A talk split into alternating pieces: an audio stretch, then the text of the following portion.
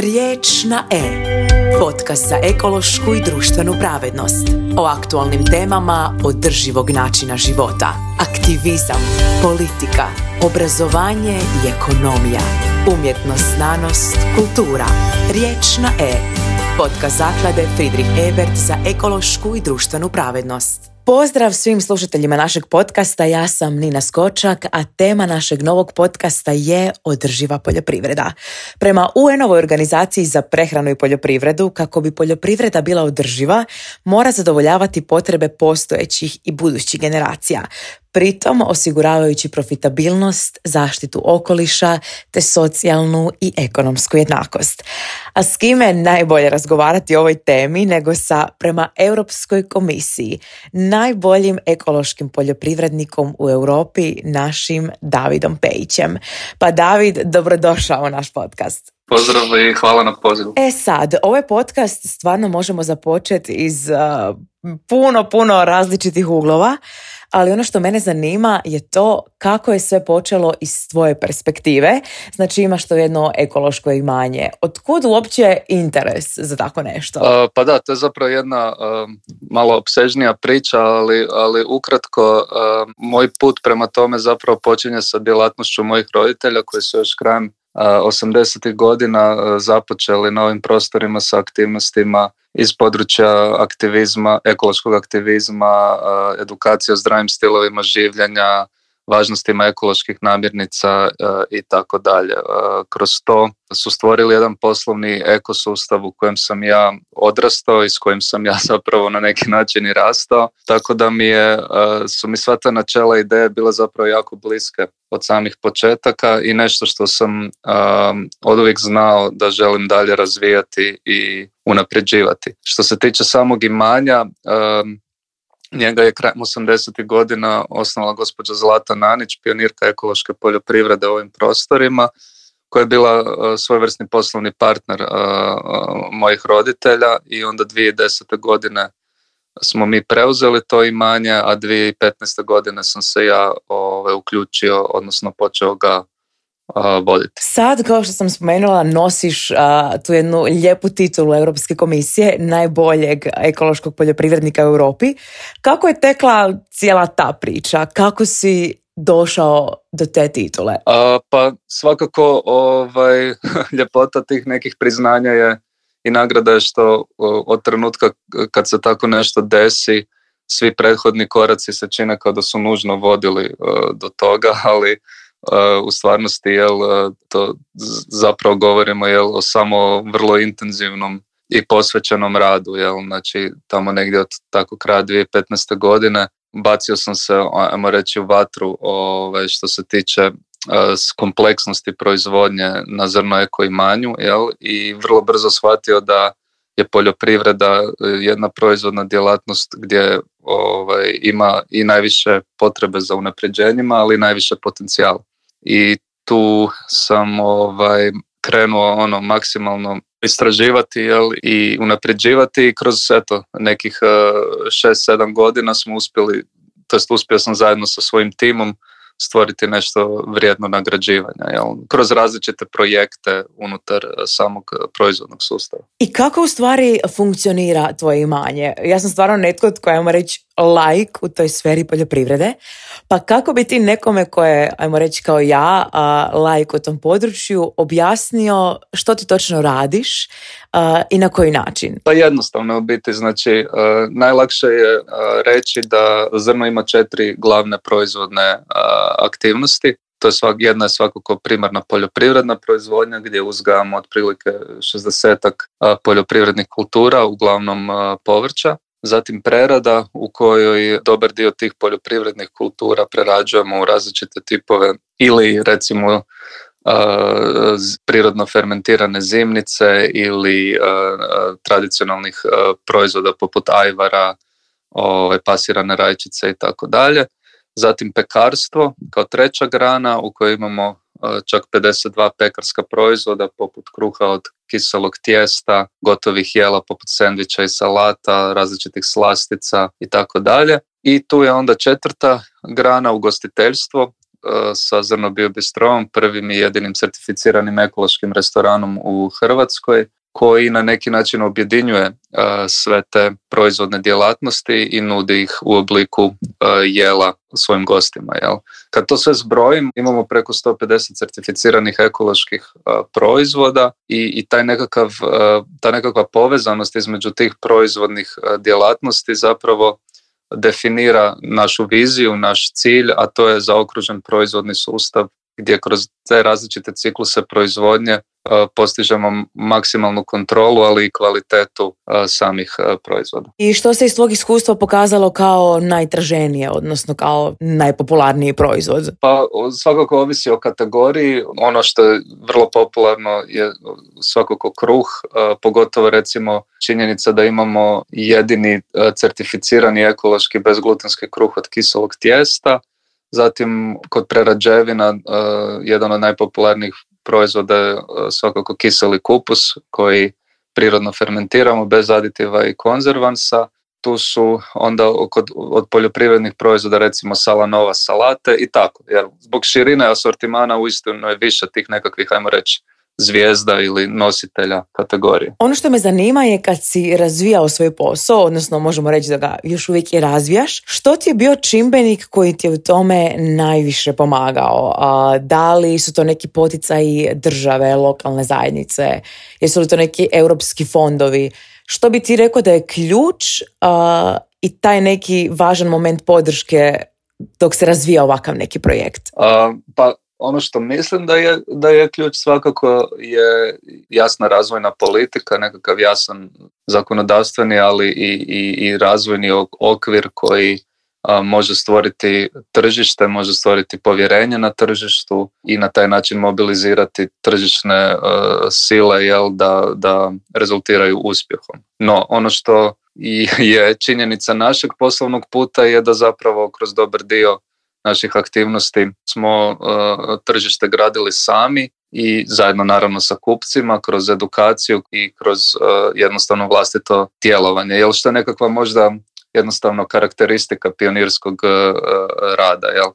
No isto tako vidimo i pozitivne pomake, recimo posebno nam je drago što djelujemo u Zagrebačkoj županiji koja je u sklopu svoje razvojne politike poljoprivrede identificirala cilj od 100% površina pod ekološkim uzgojem do 2030. godine. Takve nekakve stvari ipak daju nekakav dojam zajedničkog djelovanja i, sudjelovanja u nečemu što je prepoznato i sa strane institucije. Znači ipak je i taj neki institucionalni okvir vrlo važan u stvaranju neke ovakve priče. Apsolutno je važan i dobrodošao, jel? samo mislim da uvijek trebamo biti spremni i na tu činjenicu da, da, da nekad može ili privremeno ili nešto duže jednostavno izostati iz različitih razloga i na to trebamo biti spremni. Ono što sam također primijetila je da ti na svom imanju, osim naravno svojih proizvodnih djelatnosti, dosta ulažeš i u edukaciju da provodiš različite edukativne radionice i slično, pa kako ti gledaš edukaciju u ulozi promoviranja ekoloških proizvoda? E, da, apsolutno. Mislim da je edukacija ključna, više upravo zbog e, pitanja povjerenja. Jel? Znači, ekološki proizvodi su proizvodi koji se identificiraju po certifikatu, jel? po e, simbolu koji reprezentira određen proces kontrole jel? i zapravo je isto tako i reprezentacija povjerenja. Jel? Tu je stvar u tome da nažalost e, u, na današnjem tržištu jel, postoje različiti procesi, različite, različiti trendovi i pogotovo određeni aspekti greenwashinga, odnosno um, pretvaranja da su određeni proizvodi ili ekološki, a to nisu, ili zeleniji nego što to u stvarnosti jesu. Jel.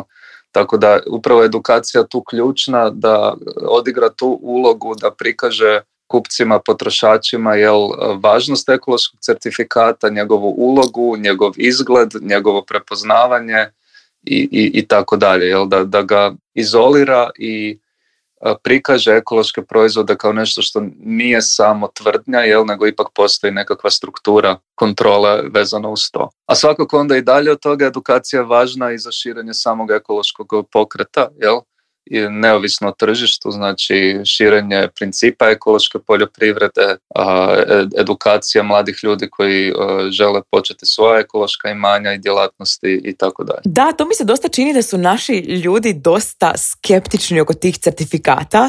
Mislim, skeptični su oko dosta stvari vezanih uz ekologiju i održivost, ali baš što se tiče prehrane, kao da postoji neko mišljenje ono, ma dobro, to je sve isto, na kraju dana oni to sve isto pošpricaju, to je kao samo jedna od naljepnica na proizvodu. Da, znači tu ima par kratkih stvari za reći. Definitivno, znači, ono što je važno da osvijestimo je da je ekološka certifikacija e, jedini e, sustav kontrole koji, koji imamo da upućuje na kvalitetu e, proizvoda, odnosno da je e, proizvod proizveden drugačije. Nijedan drugi certifikat koji imamo nema tu ulogu, jel? znači da, da govori o tome o načinu na koji je hrana e, proizvedena.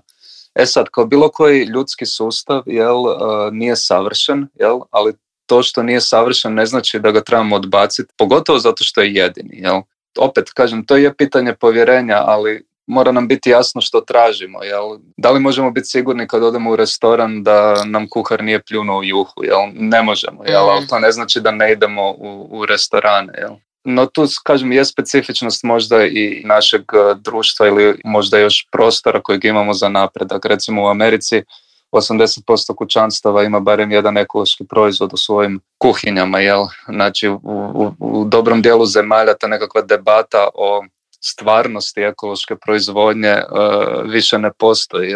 Pa, a, kod nas možda, možda još iz razloga upravo onog što smo spomenuli iz ostanka možda nekakve jasnije razvojne politike od strane institucija jel, ili nedostatka edukacije jel e, taj dio još e, nije na razini na kojoj bi e, trebao ili mogao biti. Koji bi bio tvoj savjet za evo uh, pod navodnike normalne kupce koji se možda žele više okrenuti ekološkim proizvodima na što da pripaze i na kojim mjestima uopće da pronađu takve proizvode? Pa svakako postoji, ekološki proizvodi danas su rasprostranjeni jel, po, generalno po dućanima, jel, teško mi je ne, ne ovaj, izdvojiti e, naš vlastiti lanac e, s proizvoda jel bio i bio, upravo zato što je jedini takav koji drži isključivo e, ekološke proizvode, no isto tako je li u drugim e, lancima supermarketa brojevi eko proizvoda rastu. Znači ako je riječ o gotovom proizvodu, važ,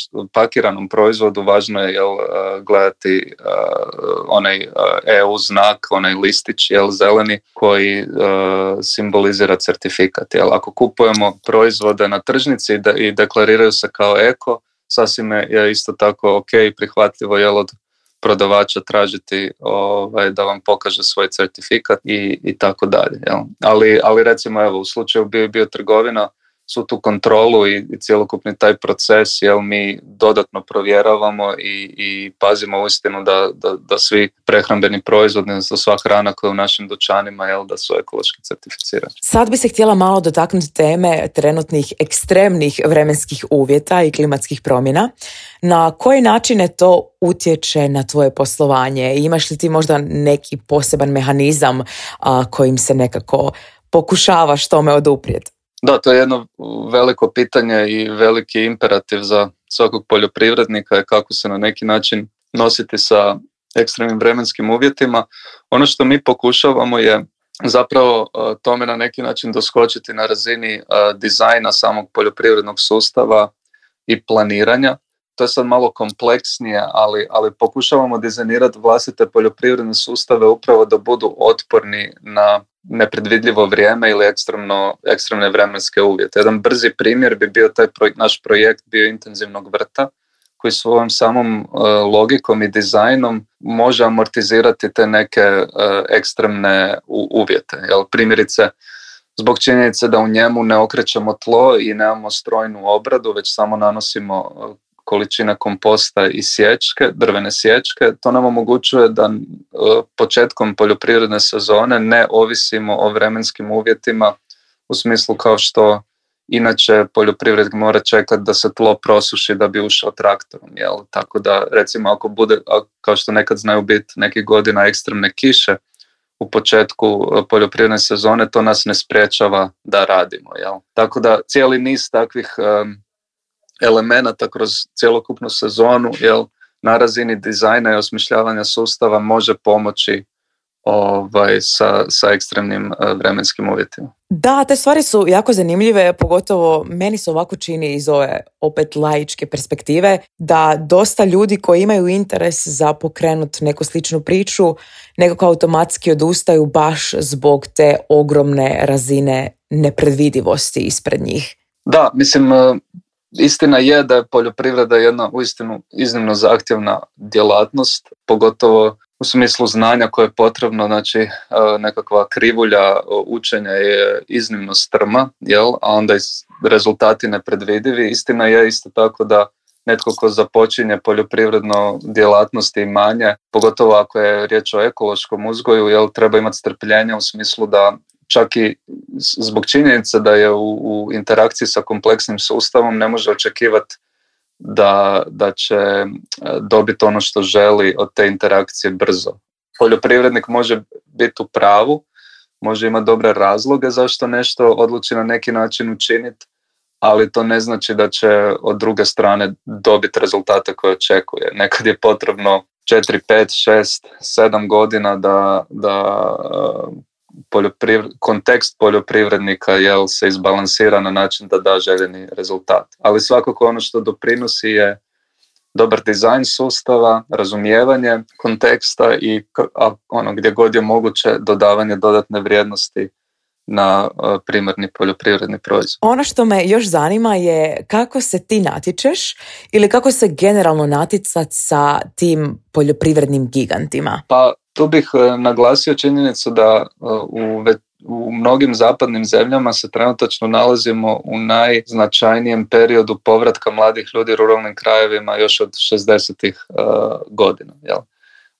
zašto je to važno u ovom kontekstu? Je zato što pokazuje želju i, i potražnju tržišta za eh, kratkim lancima snabdjevanja za, za kupnjom hrane i poljoprivrednih proizvoda od malih uzgajivača koji su blizu jel samim uh, potrošačima kako bih rekao eh, postoji specifična potražnja za malima Ovaj, što je nešto što otvara prostora e, bez obzira na e, nekakve prednosti velikih uzgajivača. Jel, samo što je važno da stvorimo tržište na kojem je povjerenje jel, u, takve uzgajivače ali i onda njihov prostor za uspjeh e, dovoljno čvrst, dovoljno, dovoljno robustan. A što ti najviše voliš uzgajati? Što ti je ono, kako se kaže, najbliže srcu?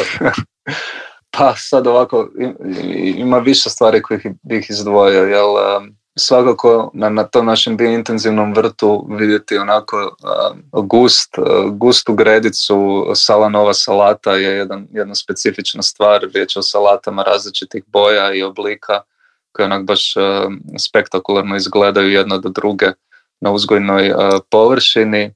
Zatim uvijek je lijepo vidjeti uh, tikve kako rastu brzo i, i široko i, i lako zatvaraju sklop i bore se ovaj, sa korovima. Evo sad je upravo uh, u, još uvijek traje berba kupusa kojeg kiselimo na samom imanju i tako evo mogu bih u nedogled. Ma ne, meni je uvijek baš ono lijepo slušati ljude koji pričaju o onome što vole, to je baš predivno.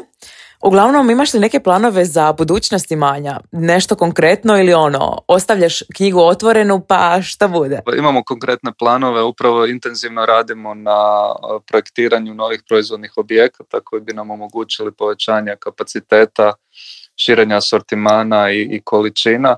E, evo, nadamo se da će to e, kroz nekoliko mjeseci biti gotovo kako bi onda mogli prijavljivati na natječaj i na taj način započeti neku novu eru uh, uh, za neko imanje. I može još za kraj da nam kažeš što ti je ili tko ti je najveća motivacija?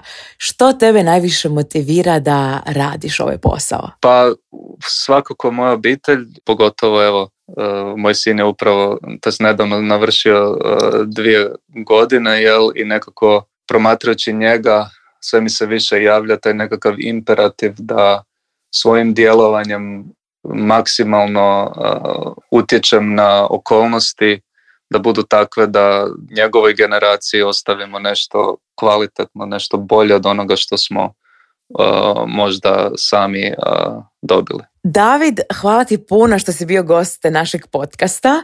Mi ti želimo puno uspjeha u daljem radu i da možda dobiješ neku i bolju nagradu u budućnosti i veću titulu. A vi ste slušali podcast zaklade Friedrich Ebert. Riječ na E. Podcast zaklade Friedrich Ebert za ekološku i društvenu pravednost.